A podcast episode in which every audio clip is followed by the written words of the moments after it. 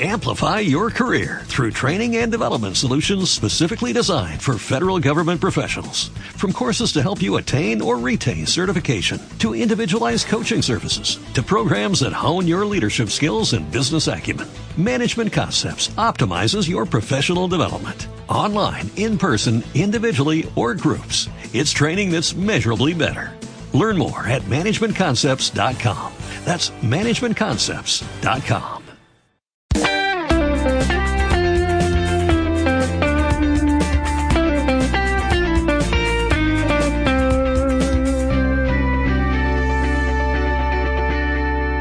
L'Escletxa, la ràdio de l'Eixample.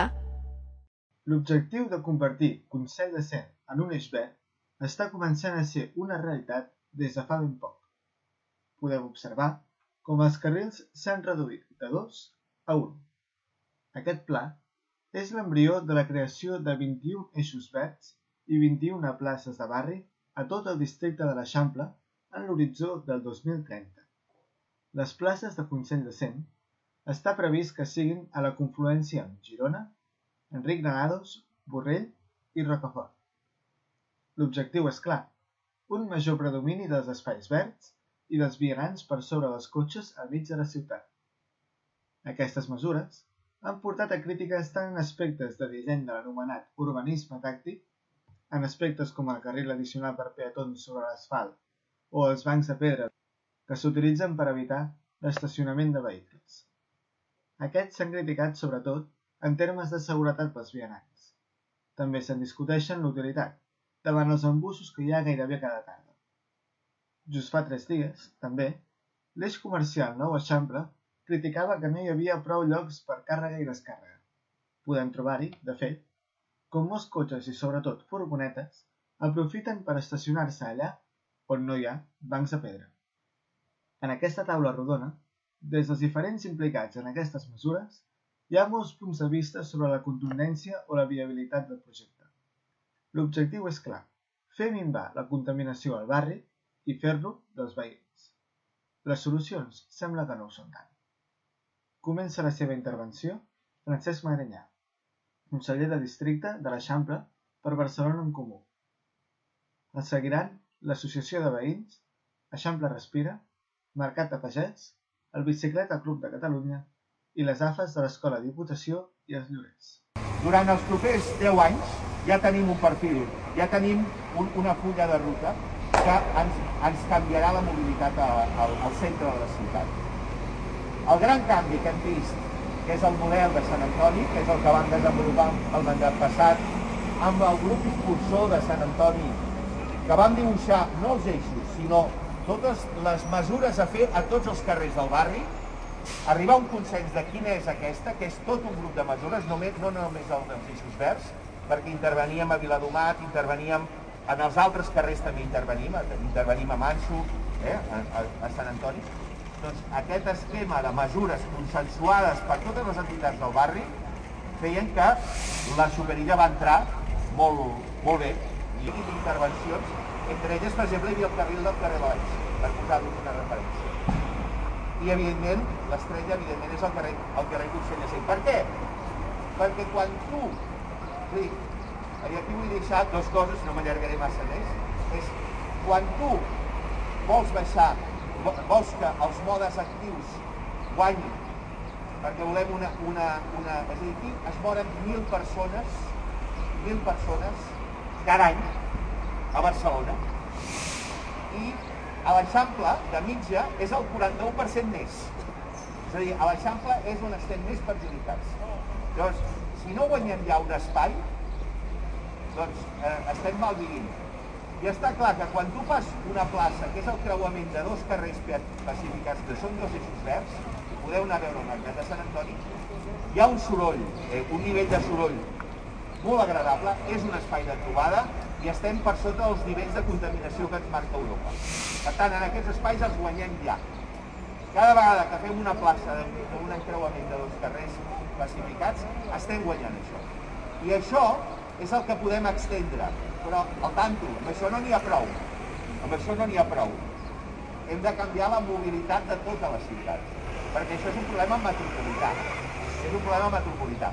I per això defensem el peatge, la taxa de congestió, no el peatge, no la vinyeta, la taxa de congestió. A l'àrea metropolitana hem de fer que no tots els cotxes circulin per Barcelona per anar d'un lloc a l'altre, sinó que eh, si han de passar passin per les rondes eh? i que es moguin menys gent dins de Barcelona en cotxe i que en el, en el 70% de la mobilitat està a la zona que té metro, que té tramvia, que té autobús.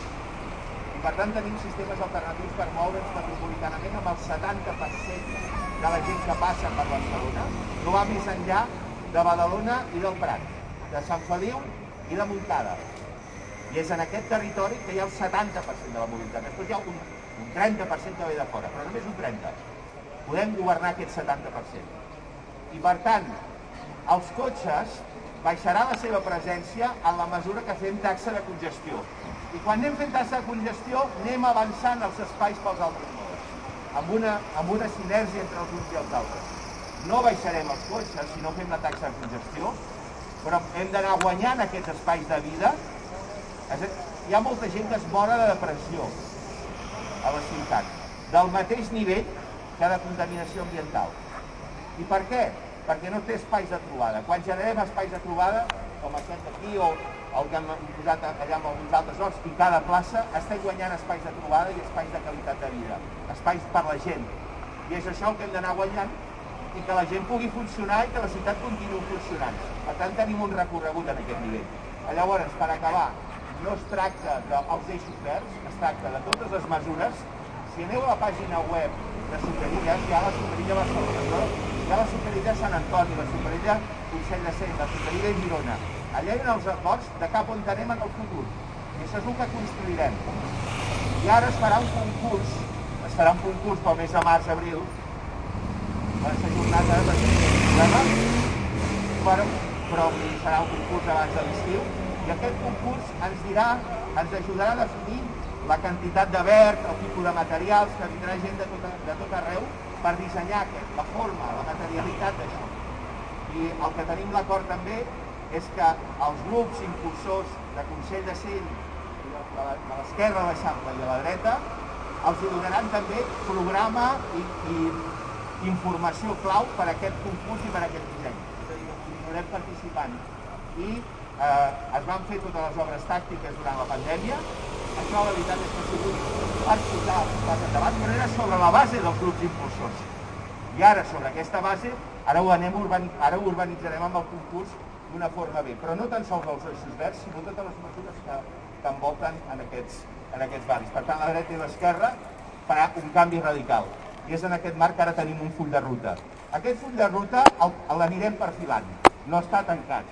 L'hem d'anar construint entre tots i tothom és benvingut per a veure i escoltar i acabar de, de millorar aquells elements que crec que poden ajudar a definir-ho entre tots. D'acord? I, I una cosa, sempre surt el tema de per què Consell de Cent i no Diputació. Nosaltres parlem del teixit escocès. El teixit escocès, com, el, com el, aquesta que porta aquest senyor, no tots els carrers són iguals, però hi ha una homogeneïtat. Val? I al final serà una homogeneïtat de suma de tres carrers que trobem al carrer peatonal i que tothom a 200 metres tindrà un carrer peatonal. Els que viuen al carrer peatonal tindran el soroll de la gent, eh? No penseu que la gent també fa soroll. Però també disminuirem els, els cotxes de la secció del carrer de Diputació i també anirem disminuint els, els cotxes dels, de les vies bàsiques. En aquest mandat ja, hem, ja li hem tret dos carrils al cotxe al carrer Aragó. Dos carrils. Un de, un de bus taxi i un carril bici. A Gran Via hi ha dos carrils i ara s'extendrà a l'altra banda. És a dir, estem fent una revolució. De la mobilitat del cotxe del segle XX a la mobilitat sostenible i saludable del segle XXI. I aquest és una mica el lema cap on hem d'anar. I això ho construirem entre tots. Així que aquest debat espero que ajudi per veure com podem millorar aquestes apostes. Val, ara és el torn de les diferents entitats que participen en aquest debat. Si n'hi ha alguna que vol, que vol començar, si no hi ha un ordre establert de les entitats que hagin de participar, si n'hi ha alguna que té molt clar que, que, que vol ja començar de seguida, eh, no.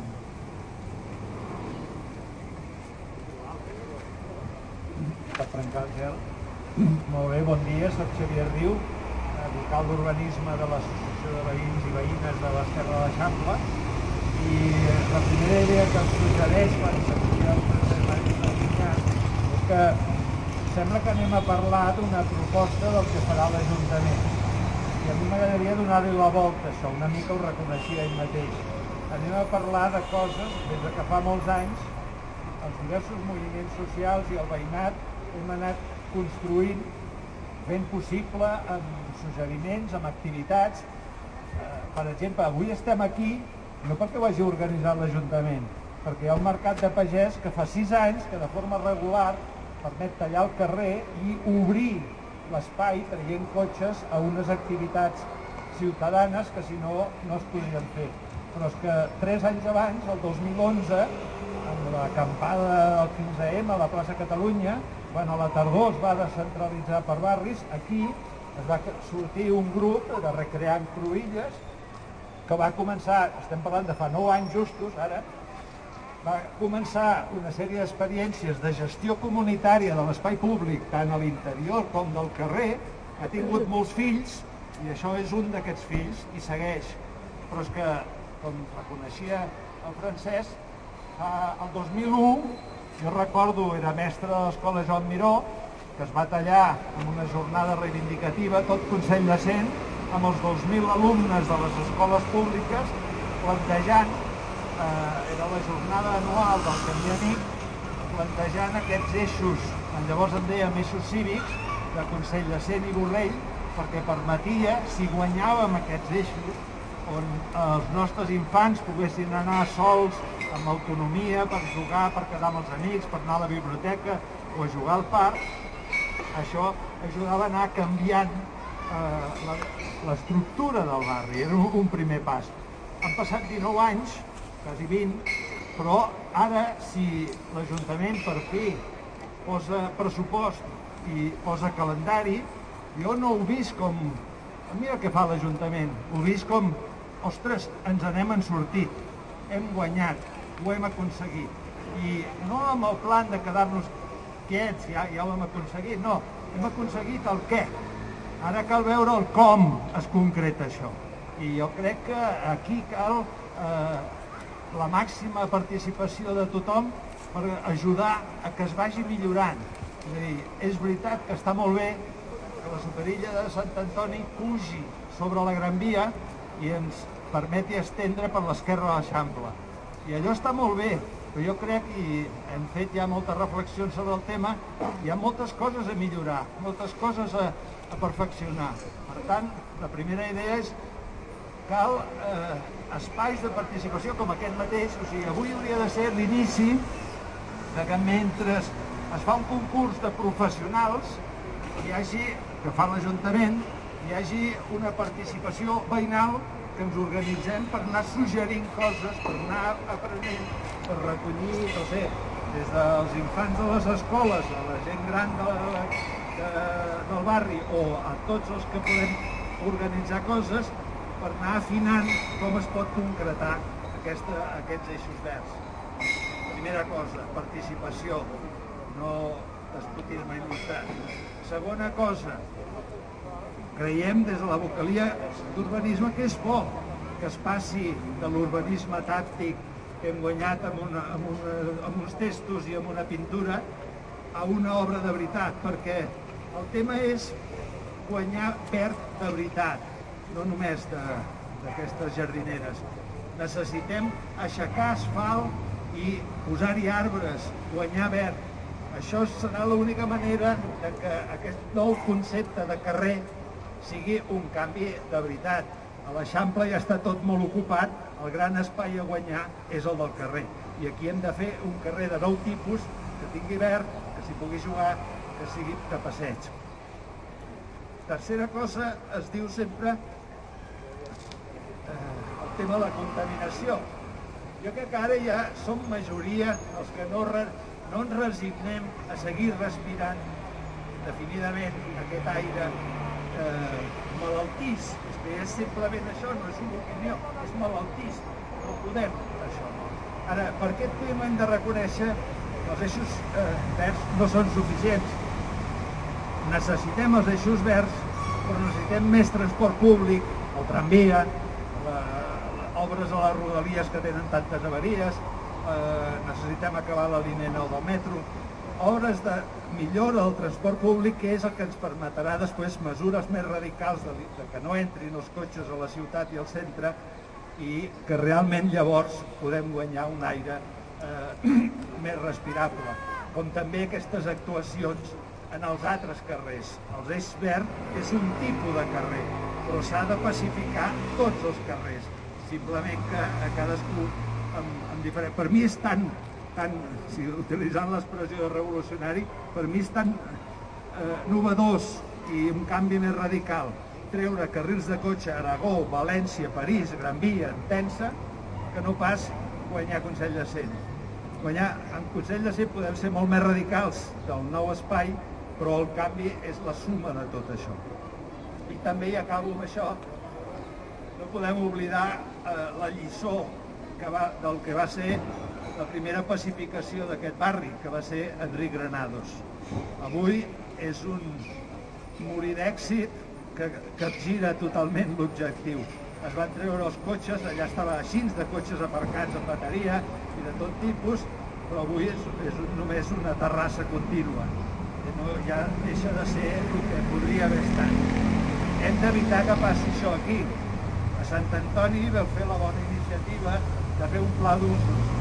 És imprescindible que, perquè aquí ja s'ha llançat ara la idea de que no ens comencem a, a aparèixer, que ja n'hi ha alguns, tot un bar, un bar continu, sinó que hi hagi un pla d'usos que asseguri un equilibri d'usos i que no es degradi i per tant pugui mantenir i estimular el caràcter de barri eh, el nou concepte de carrer. Gràcies.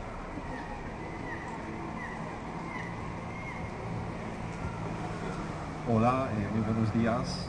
Soy Luca de la entidad vecinal Eixample Respira. Eh, imagino que la mayoría de vosotros sepáis quién somos, pero para quien no, quien no lo sepa, vamos, somos una entidad vecinal que está enfocada en unos temas principales que son la contaminación acústica y atmosférica, eh, los, las cual cosas son causa de muchos problemas de salud pública y entonces queremos que cada intervención que se haga se tenga que hacer teniendo presentes estos dos, uh, estos, estos dos puntos. Y el tercer punto es claramente incrementar el número de zonas verdes en un entorno como el entorno de, de L'Eixample, eh, estamos hablando de un muy amplio, donde el espacio, la densidad ciudadana es muy elevada, hay mucha gente en L'Eixample, es una de las densidades más elevadas de, de Europa y también eh, el coche tiene una de las densidades más elevadas de Europa. O sea, es decir, hay más coches por metro cuadrado en Barcelona que en París o en Londres. Y para nosotros es importante eh, evidenciar estos números para que la gente conozca cuál es la situación real. Estamos en una, en una situación donde desafortunadamente hay demasiados coches. Entonces para nosotros es fundamental el tema de los números, ¿no? ¿En qué sentido? En el sentido de que pues, se calculan diariamente unos valores que nos dicen cuánta contaminación hay en el aire. ¿sí? Si estos valores superan unos cuantos límites que están establecidos por organizaciones a nivel mundial, entonces estamos perdiendo minutos de vida cada día que respiramos, ¿vale? Y no podemos parar de respirar, no podemos, ¿no? Si, pudiéramos, el problema estaría solucionado, pero no podemos parar de respirar, ¿no? Y entonces, cada momento que respiramos, estamos respirando un aire que poco a poco nos está, no matando, pero nos está quitando días de vida, nos está dando problemas a nivel respiratorio, eh, la contaminación acústica produce estrés, eh, produce... Eh, eh efectos secundarios eh, que luego van afectando nuestra salud y entonces está muy claro que hay que intervenir. Ahora, como nuestra entidad tiene Eixampla en el nombre, claramente estamos mirando a un entorno muy amplio, estamos mirando a todo el distrito en toda su eh, extensión. ¿sí? Y entonces, bueno, cada, cada actuación que vaya en contra de la eliminación, el, ganar el espacio para los vecinos, es más que bienvenida. Esto es fantástico. Yo esta mañana me he levantado, he bajado a Consell de Seine, me lo he hecho caminando hasta aquí y he venido en un entorno más tranquilo. Yo, desafortunadamente, vivo en la calle de arriba, en Aragón. Ahí estamos en la que llamamos una autopista urbana. Ahí el coche tiene impunidad absoluta. Se puede recorrer la calle Aragón desde Meridiana hasta Tarragona a 50 kilómetros horarios si uno se sigue las reglas, sino ya se puede ir a 70, 80 o lo que sea, ¿no? Eh, donde el coche tiene eh, impunidad absoluta, ¿no? no solo impunidad absoluta, sino tiene el espacio por completo. ¿no? Entonces, luego yo veo, camino por Consell de y me digo, esto es maravilloso.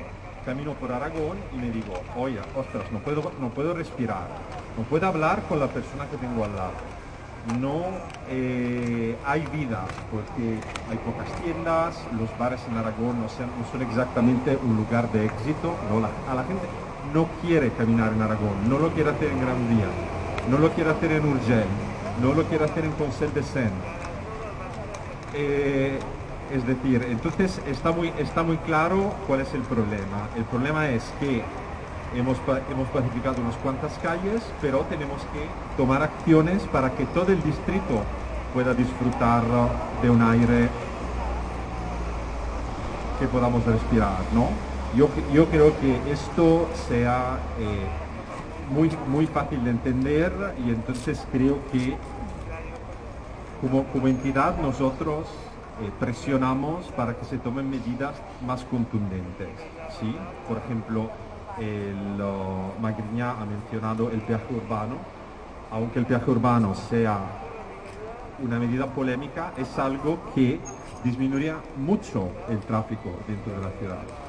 De alguna forma tenemos que hacer que haya menos coches dentro de la ciudad. Cuando hay menos coches, hay menos necesidad de proporcionar espacio para estos coches. Entonces se puede ir quitando el espacio y entonces se puede ganar espacio para las personas. Entonces se tiene que hacer un proceso de reconversión.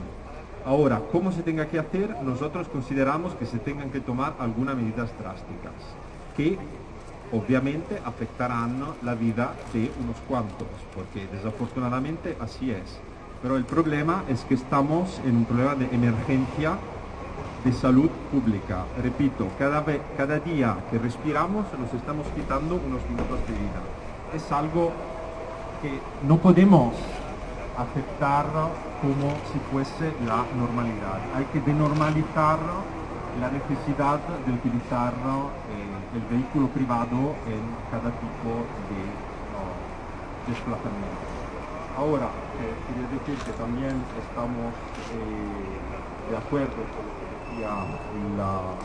eh, el, Xavier Riu, eh, obviamente los Jesús Verdes son una iniciativa fantástica, más verde, mejor, menos coches, mejor, no solucionan el problema de contaminación, entonces hay que hacer también otro tipo de actuaciones eh, más contundentes y esperamos que a través de nuestra entidad y a través, a través de las otras entidades que están aquí podamos hacer un trabajo no solo a nivel de calle, sino también a nivel de distrito y a nivel de ciudad para que una acción tan simple y tan básica como respirar no sea algo que va en contra de nosotros, sino sea algo que nos ¿vale? Gracias.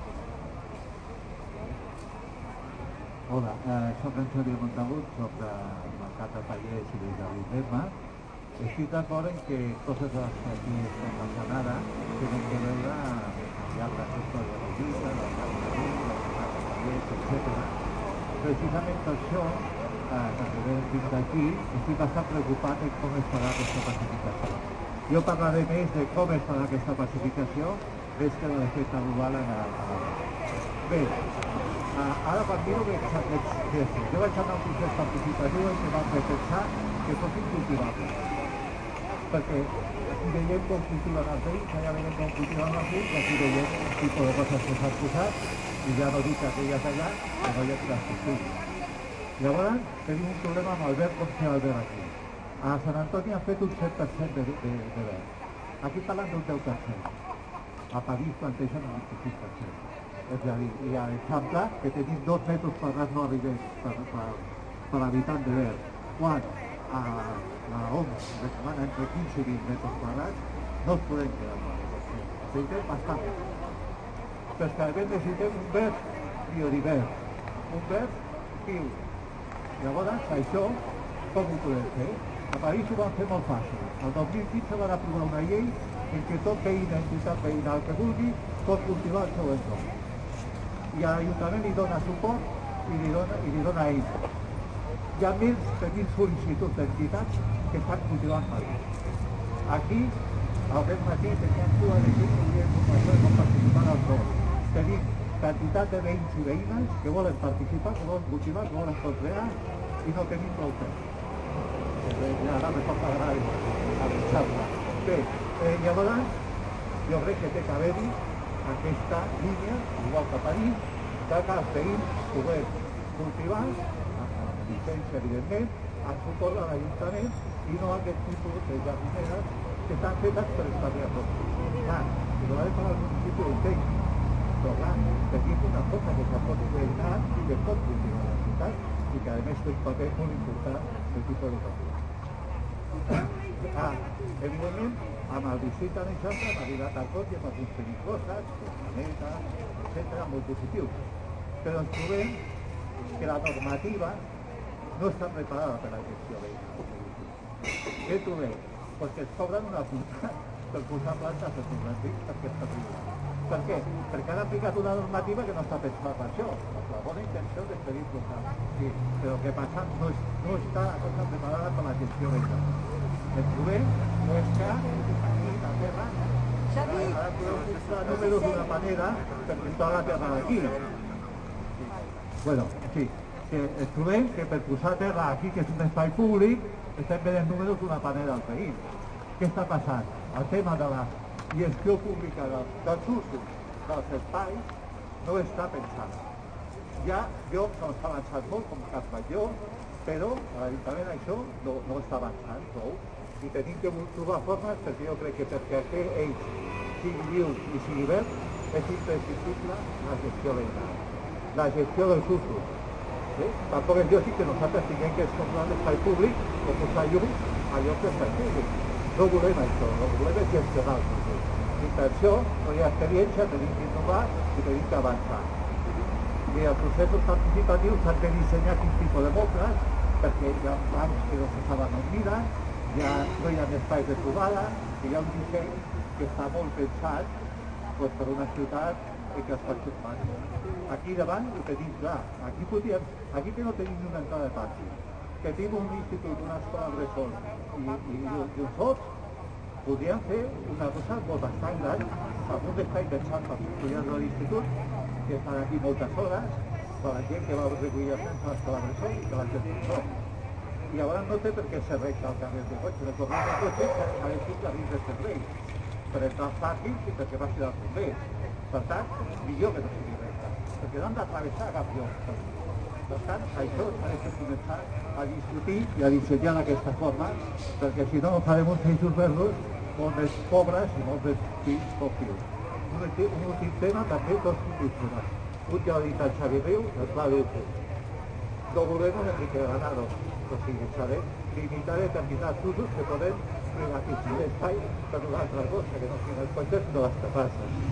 I segona qüestió, tothom avisa que en una zona de retail pugen els lloguers.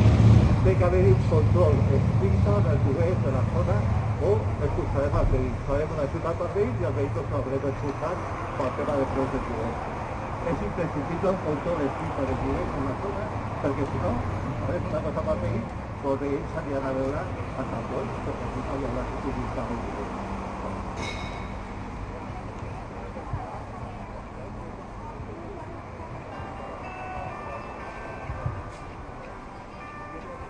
Bon dia, soc l'Albert de l'Institut de Catalunya i a mi m'agradaria començar amb un exemple que tenim aquí i és que durant eh, els últims anys els grans eixos per creuar l'Eixample sempre han sigut Diputació i Consell de Cent el que ens hem trobat els últims sis anys és que tots Consell de Cent ens el tallaven cada dissabte al matí i eh, trobaves que no tenies cap via per creuar l'altra banda.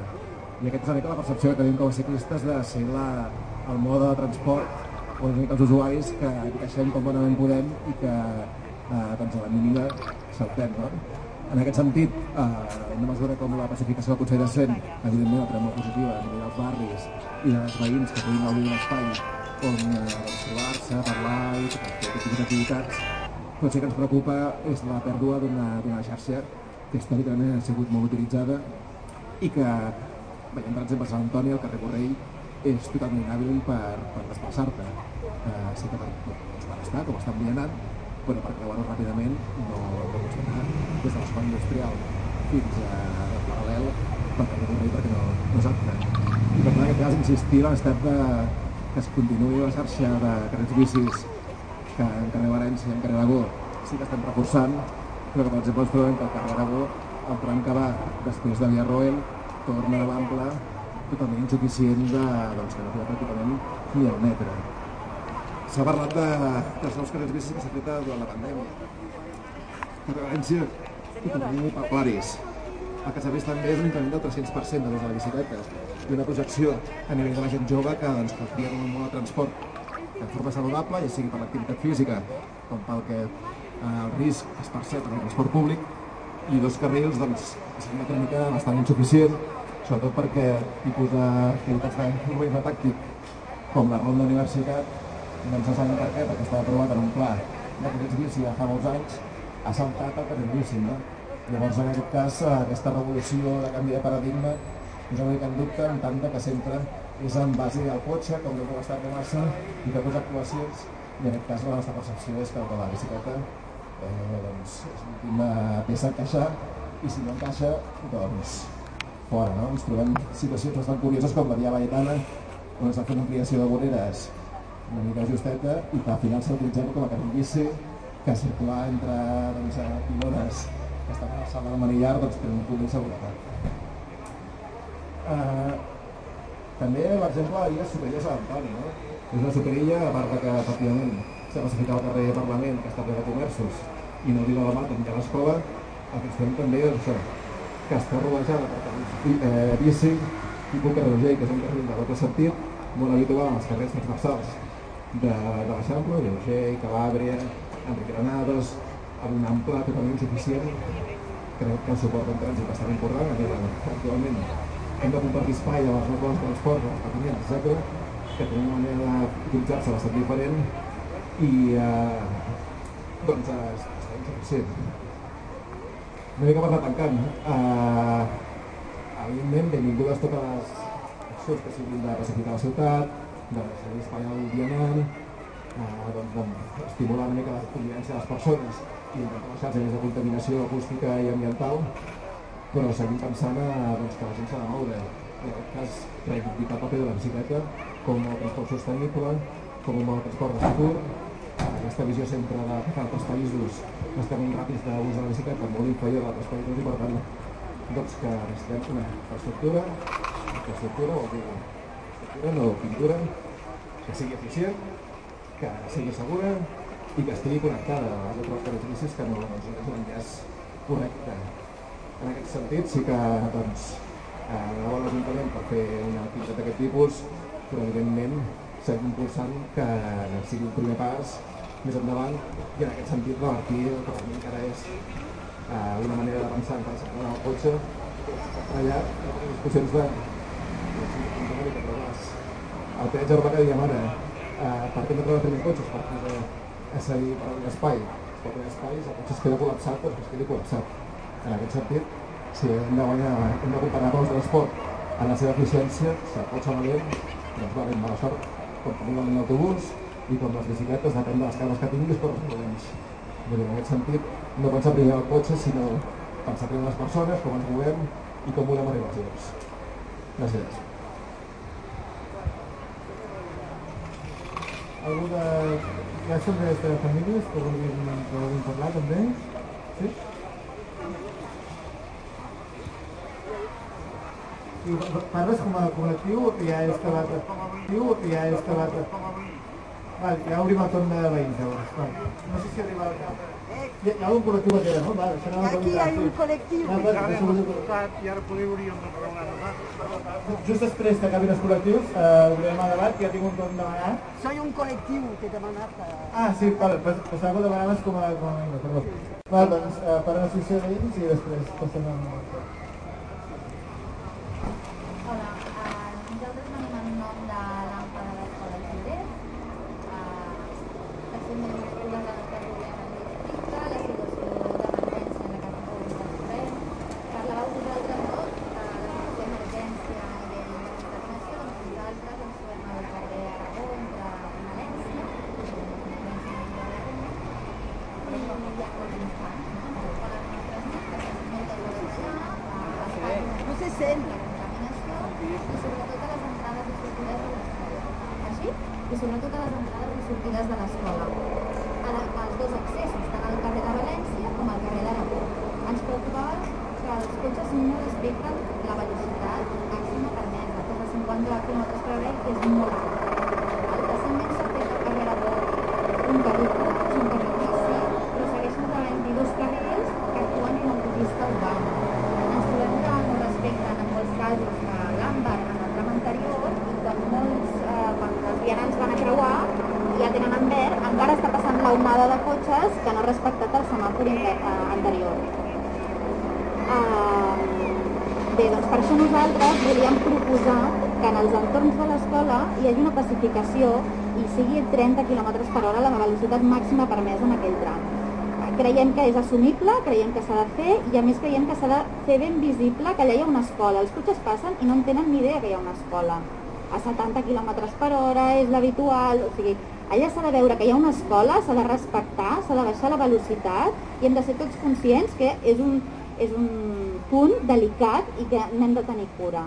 Llavors, eh, nosaltres ens sumarem aquest, eh, el divendres que ve a les diverses escoles que fan talls de carrers.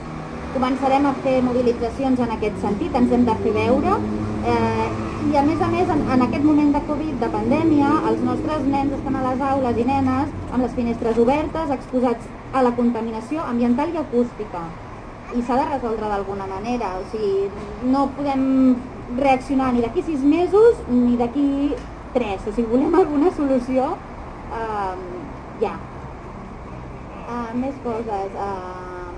L'aula... Bueno, No, de fet, una, una de nuestras preguntas es si, aparte de este plan de ejes urbanos y, y mitigación de, de algunos ejes, también tenéis algún tipo de plan para mitigar las situaciones críticas como la de nuestra escuela.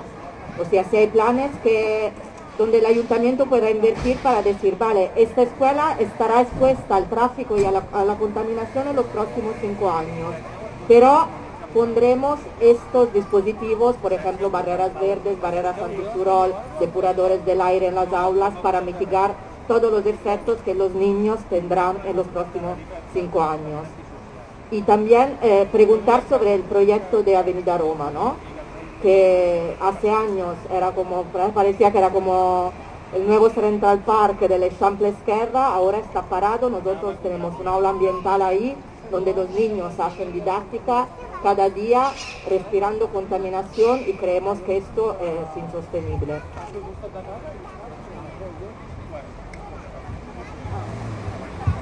I, un últim apunt, que això ja també que creiem que, seria, que necessitem un espai d'estada, quan demanem pacificació i reduir la velocitat, també necessitem un espai a la sortida de l'escola que ara mateix no tenim. I demanàvem la pacificació de les cantonades, ara mateix utilitzades pel vehicle privat. Creiem que, doncs, igual que tenim aquests testos, a les pintures a terra, nosaltres necessitem un espai així on donar el bran als nens quan surten, on poder parlar i sentir què et diuen com els hi ha anat el dia, i creiem que hi ha marge de millora. Sabem que la situació, la ubicació de l'escola és complicada, però es poden fer es poden fer accions que poden millorar moltíssim el dia a dia de les criatures.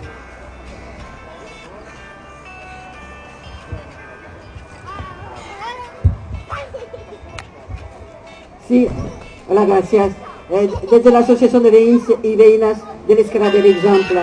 Eh, bueno, to, eh, tot aquest projecte, eh, bueno, eh, evidentment, és positiu, tot el que és de pacificar, vol dir que la gent pugui eh, circular en el seu barri eh, en tranquil·litat i sobretot caminant. El més important és poder, poder caminar en un, en, a, a, alrededor de, de casa teva. Això és positiu. Eh, jo, jo he donat la paraula més per eh, un... Eh, Xavi ha, ha començat a parlar d'Enric Granados, de, de les terrasses, però a més de les terrasses, tot el que són les millores, eh, hem de veure que aquest barri és el barri més millor, eh, més bonic o més agradable eh, del món, no? Ha sigut decidit això, eh? Però de, eh, és el barri més, més maco i més viable del món per qui? Per qui, eh, eh, quins ulls? Qui diu això? La gent que viu al barri no els han demanat si és el barri més millor del món.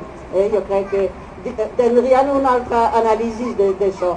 Llavors, eh, aquesta visió del millor barri és una visió externa i és d'una visió d'especuladors. Una visió d'especulador d'un barri.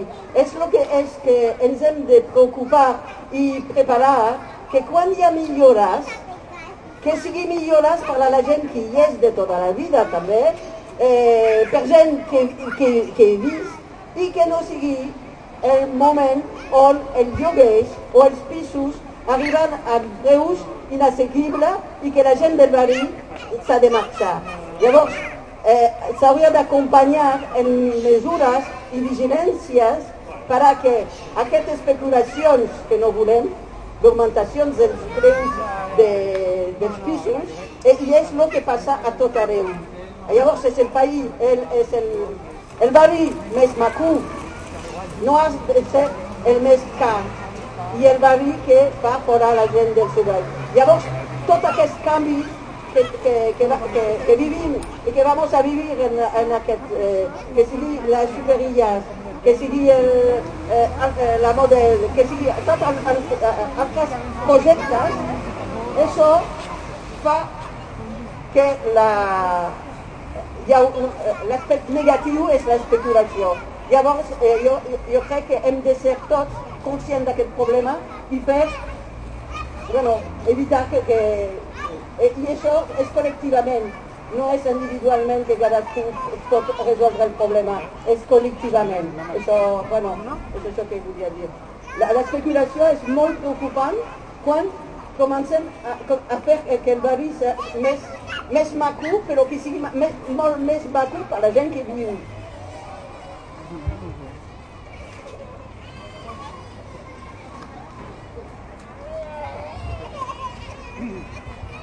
Hola, bon dia. Jo sóc en Joaquim Tomàs, visc amb aquest bloc d'aquí i el meu pis dona a l'interior, més a prop. Sí. O sigui, el meu pis dona en l'interior, o sigui, en el pati que hi ha al parc dels nens i el ditjós Pipicà. Abans, quan ens vam casar, hi havia uns magatzems, estàvem molt tranquils, posteriorment es va fer el parc pels nens i bueno, com que hi ha un horari, obren el matí i tanquen al vespre, a les nits podem dormir. Ara fa tres anys l'Ajuntament se li va ocórrer fer un piticant aquí i aquest piticant està obert les 24 hores del dia. Què vol dir això? Que a la nit no hi ha manera de poder dormir. Venen gossos a l'una de la nit, a les 3 de la nit, a les 5 de la matinada, a qualsevol hora, i ara a l'hivern tens les finestres tancades i encara més o menys, però l'estiu que tens les finestres obertes no hi ha manera de poder dormir. Jo fa tres anys que tinc presentades reclamacions a l'Ajuntament i sempre envio el mateix, que és una ordenança municipal i aquesta ordenança no es pot tocar. Quan, els senyors, si no es pot tocar, s'hauria de poder tocar, perquè no tenim per què estar sofrint aquestes nits de l'estiu, sobretot, ja dic que no hi ha manera de poder dormir. Aquest parc, que un senyor que l'obre al matí i l'obre a la tarda, a la nit i el tanca a la nit, doncs quan tanca el parc podria tancar el piscant, i els senyors que tenen gossos tenen 24 hores, ai, més de 12 hores per poder portar el gosset a fer pipí i, eh, aquí no, en el seu lloc. Que em sembla molt bé que els tinguin i que puguin venir, però el que no em sembla molt bé és que vinguin a l'una de la nit, a les 3 de la matinada, a les 5 de la matinada, a qualsevol hora, quan un té ganes de dormir i descansar. He presentat la reclamació ja fa 3 anys i sempre em diu el mateix. Una ordenança municipal. Bueno, doncs que es canvi aquesta ordenança municipal, perquè no tenim que sofrir nosaltres aquestes eh, angoixes, sobretot quan hi ha les finestres obertes. Això és tot, senyors. Prenguin nota una vegada més i, i crec que no és només el problema d'aquests criticants, sinó que són tots els criticants que hi ha a Barcelona que tenen problemes. Llavors seria molt fàcil que quan s'obre el parc dels nens i es tanca el parc dels nens, s'obri i es tanqui el criticant. I els senyors que tenen gos, miri si tenen hores per poder venir de matí, al migdia, a la tarda, a portar el gosset. D'acord? Gràcies, eh? Hola, bon dia.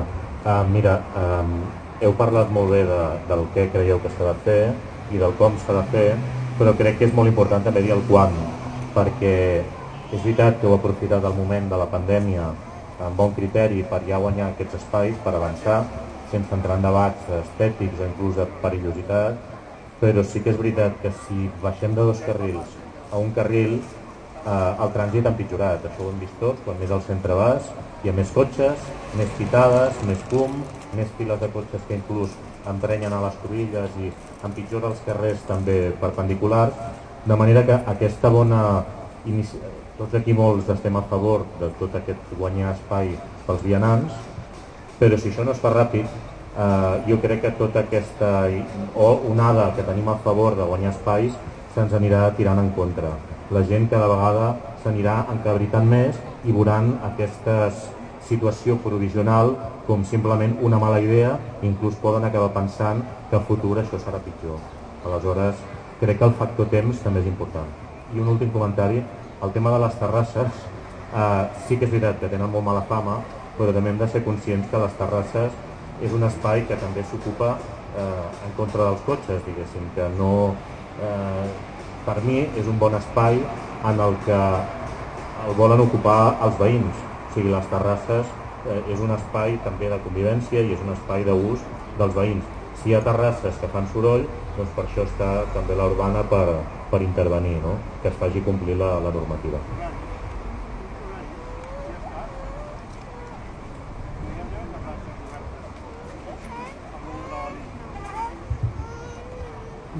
Vale, bueno, uh, Cristian fa, no sé, fa uns 3 anys així que sos veïna d'aquí a la Serra de l'Eixample. Jo vull parlar sobre dos, dos, dos coses, una sobre, sobre conceptes i una altra sobre polítiques valentes.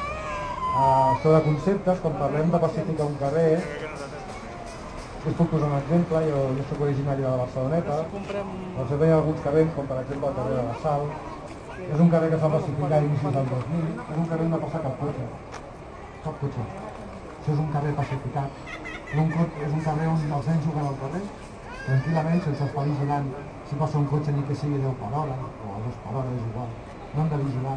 On les veïnes baixen a la seva cadira, se senten i comenten les seves coses, en terrasses que no són privades, són terrasses al carrer públic, són privades per un. Uh, això és un, un, el concepte de carrer pacificat real no un carrer, un carrer on pot ser el tempo de Borrell, la diferenciació pot ser bona.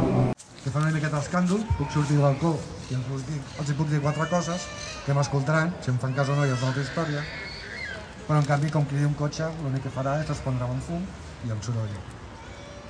Una política valenta és restringir l'accés del cotxe a la ciutat.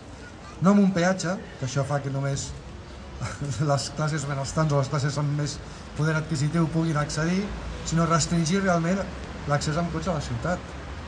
Per què ha d'entrar en cotxe a la ciutat?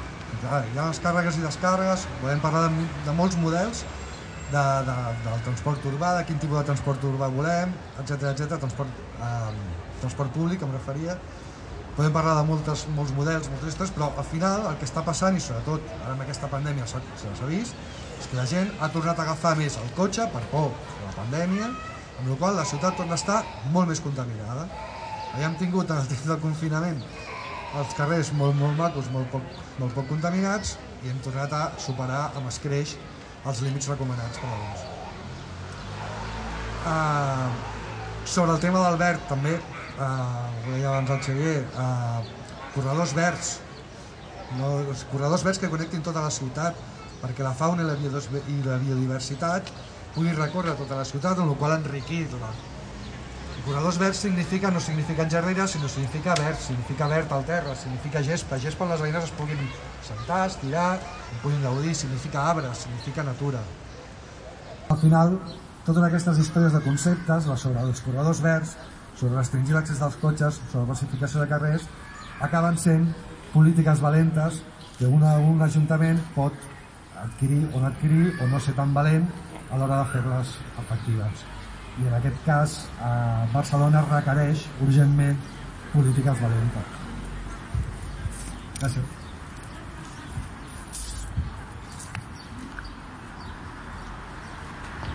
Hola, bon dia. Eh, em dic Guillermo i soc de l'AMPA del Joan Miró, encara que no parlaré en nom de l'AMPA Joan Miró perquè no em consensuat per la intervenció, però bueno, com ha participat també l'Escola Llorer, doncs, bueno, pues, reforço eh, el que s'estava parlant aquí, no? De fet, bueno, eh, jo crec que és la clau que moltes intervencions hi ha hagut, no? Hi ha una qüestió de temps, el factor temps apreta, en el sentit que ara, amb el context Covid, no? Tenim quasi totes les escoles al costat d'autopistes, no?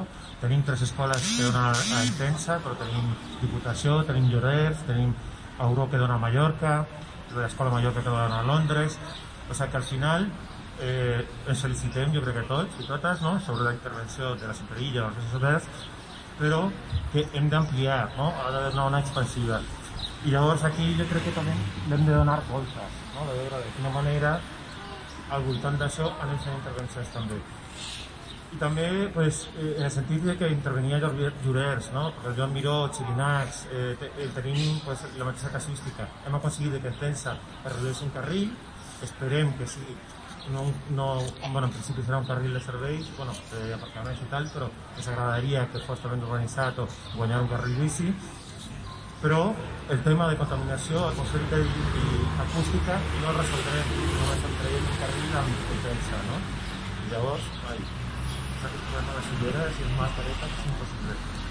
Eh, llavors, a veure de quina manera no? també fent altres intervencions, que és doncs, reducció del trànsit, però és reducció també de velocitat eh, i amb diferents mesures i intervencions no, de com podem doncs, tota, tota la intervenció o tota la contaminació acústica i atmosfèrica, com la podem reduir, per exemple, en entorns d'escoles, que imagineu-vos, en Joan Miró és impossible donar classes, no sé, o sigui, no, no he fet l'experiència, però imagineu-vos tota l'hora de escolar amb finestres obertes i l'autopista al costat, o sigui, és, és, és realment doncs, una experiència terrible, no? Aquest fet tan natural que és respirar i estar a l'escola, eh, eh, veritablement no, es, es converteix en, en, en tota una aventura. Llavors, bueno, pues, animar-nos en aquest sentit, no? Eh, la xarxa d'AMPAs, moltes AMPAs de, del barri i d'altres, no? perquè el districte de Sample i altres escoles de Barcelona el dia 11 fem una mobilització, a sortir d'escola farem talls, o sigui, es convidem a totes i totes a sumar-vos a aquest any, l'11 de desembre, a partir de les 4 i mitja a la sortida. Eh, aquí, en aquest cas concret del barri serà Diputació, serem eh, Joan Miró i el Xirinacs, és l'Institut eh, Ernest Lluc, serà Llorer, serà l'Auró, o sigui que d'alguna manera crec que està en el moment no, de, de ser més agosserats i, i apretar en aquest sentit que, que ens entorn I després res, eh, un, un parell de punts ja a títol personal no, que em semblen importants que se apuntava, no? Crec que és important pensar en el pla d'usos, és important no veure de quina manera això no comporta una gentrificació del barri, que ja sé no? que és complexíssim, però bueno, no, per, no perdre de vista.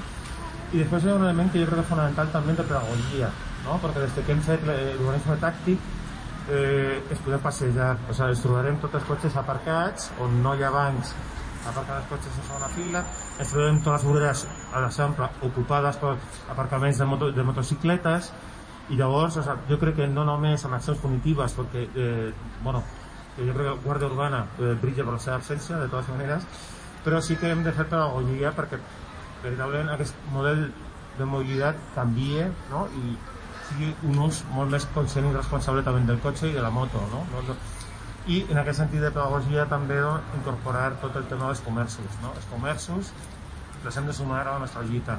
No pot ser, i després el descens és una mostra, que els comerços ho vegin com una amenaça. No veure de quina manera els incorporem, no? perquè hem d'anar sumant.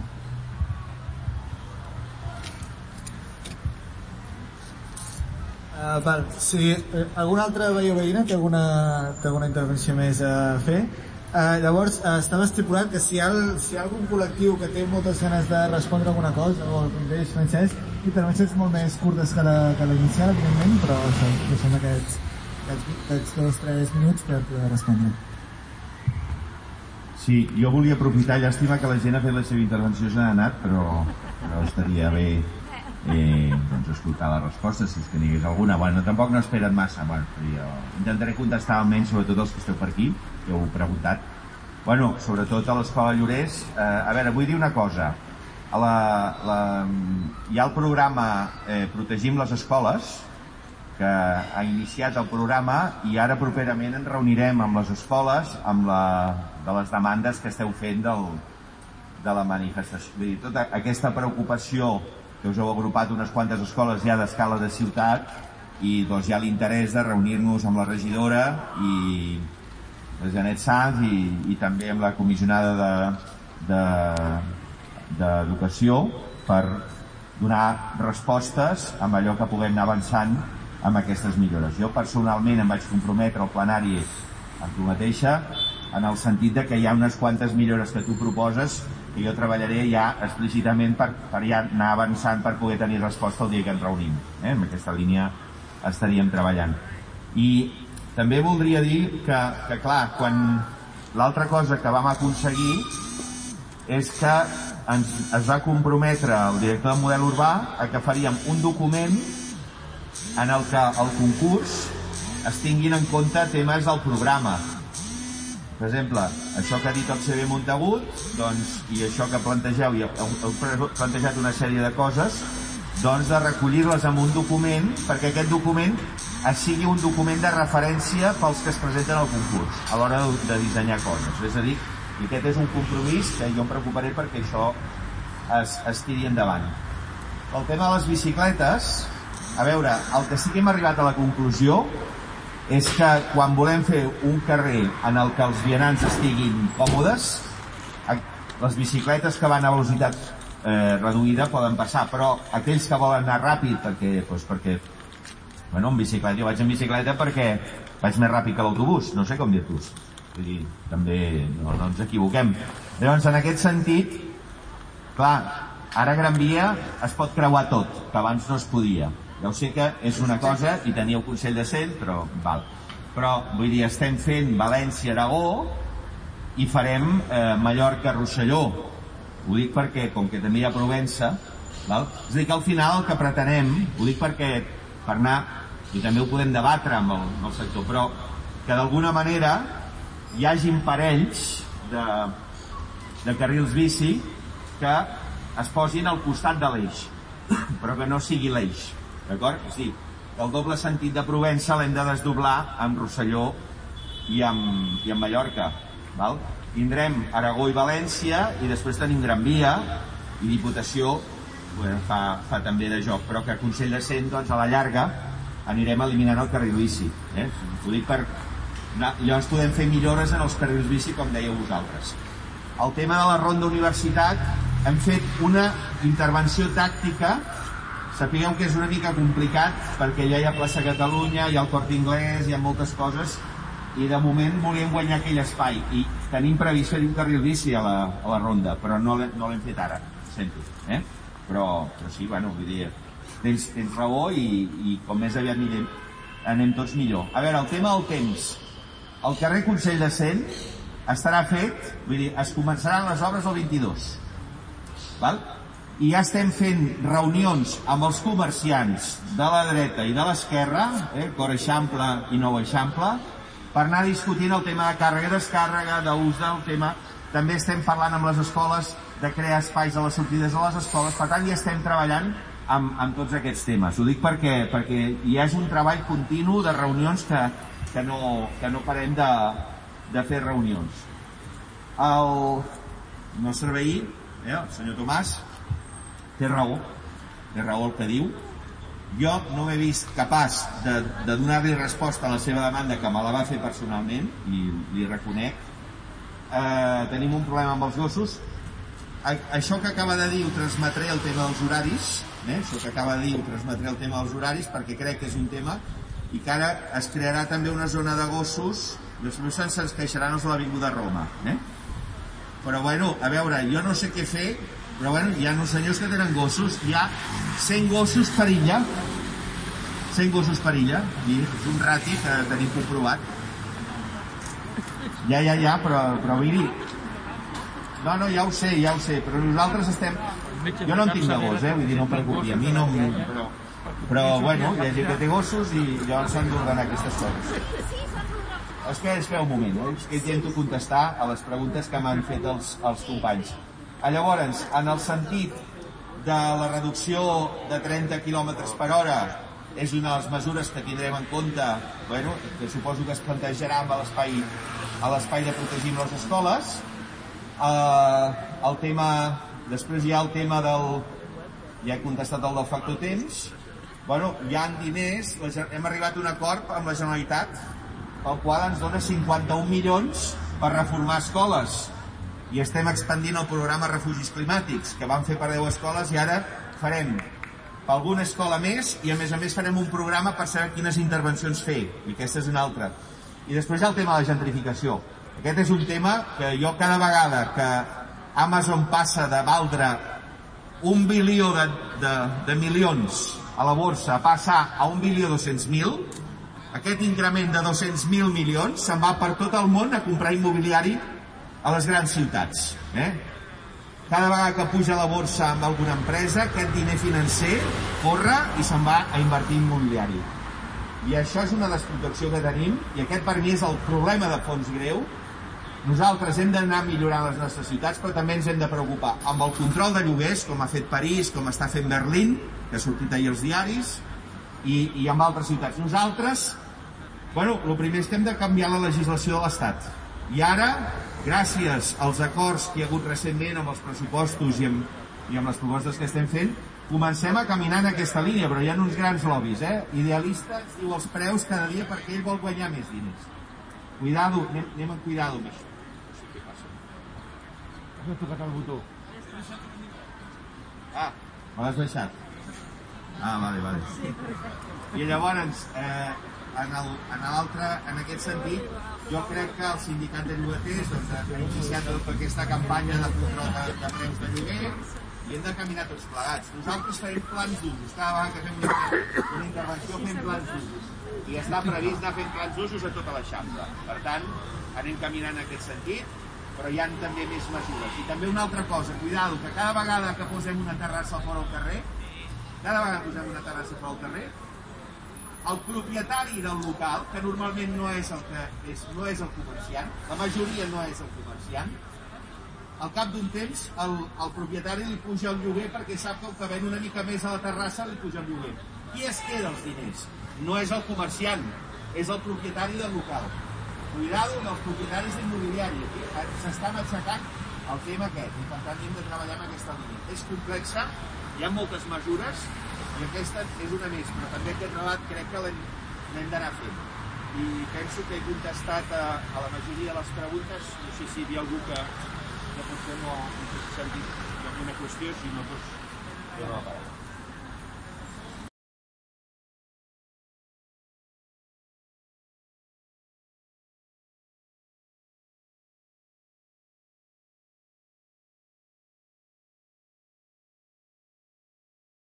L'Escletxa, la ràdio de l'Eixample.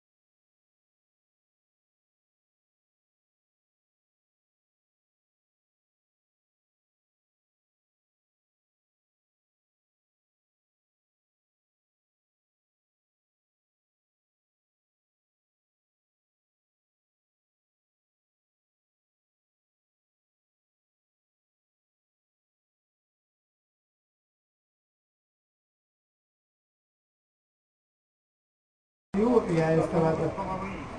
Vale, ja obrim el torn de veïns, llavors. Vale. No sé si arriba al cap. Hi ha algun col·lectiu que queda, no? Vale, això anava a Aquí hi ha un col·lectiu. Però, Ara això hem escoltat i ara podeu hauríem de cosa. Just després que acabin els col·lectius, eh, obrirem el debat, que ja tinc un torn demanat. Soy un col·lectiu que he demanat. eh, Ah, sí, vale, pues, que ho demanaves com a, com a membre, perdó. Amplify your career through training and development solutions specifically designed for federal government professionals. From courses to help you attain or retain certification, to individualized coaching services, to programs that hone your leadership skills and business acumen, Management Concepts optimizes your professional development. Online, in person, individually, or groups, it's training that's measurably better. Learn more at managementconcepts.com.